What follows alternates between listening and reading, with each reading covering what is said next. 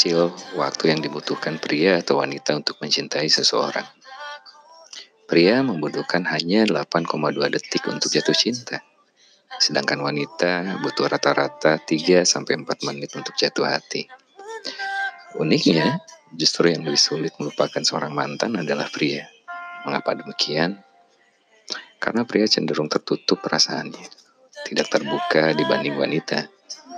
Ada ego yang besar dan trauma untuk pria bahwa dia untuk bisa menerima sebuah kegagalan. Artinya butuh waktu dan proses yang benar-benar siap untuk menjalin hubungannya kembali. So, apabila susah move on, mungkin buanglah kenangan dalam tulisan atau buanglah mantan kepada temannya. Siapa tahu wanita yang kau idamkan ada di dekatmu. Mungkin tetanggamu, teman sebangkumu, atau juga justru wanita yang ada di sebelah mejamu.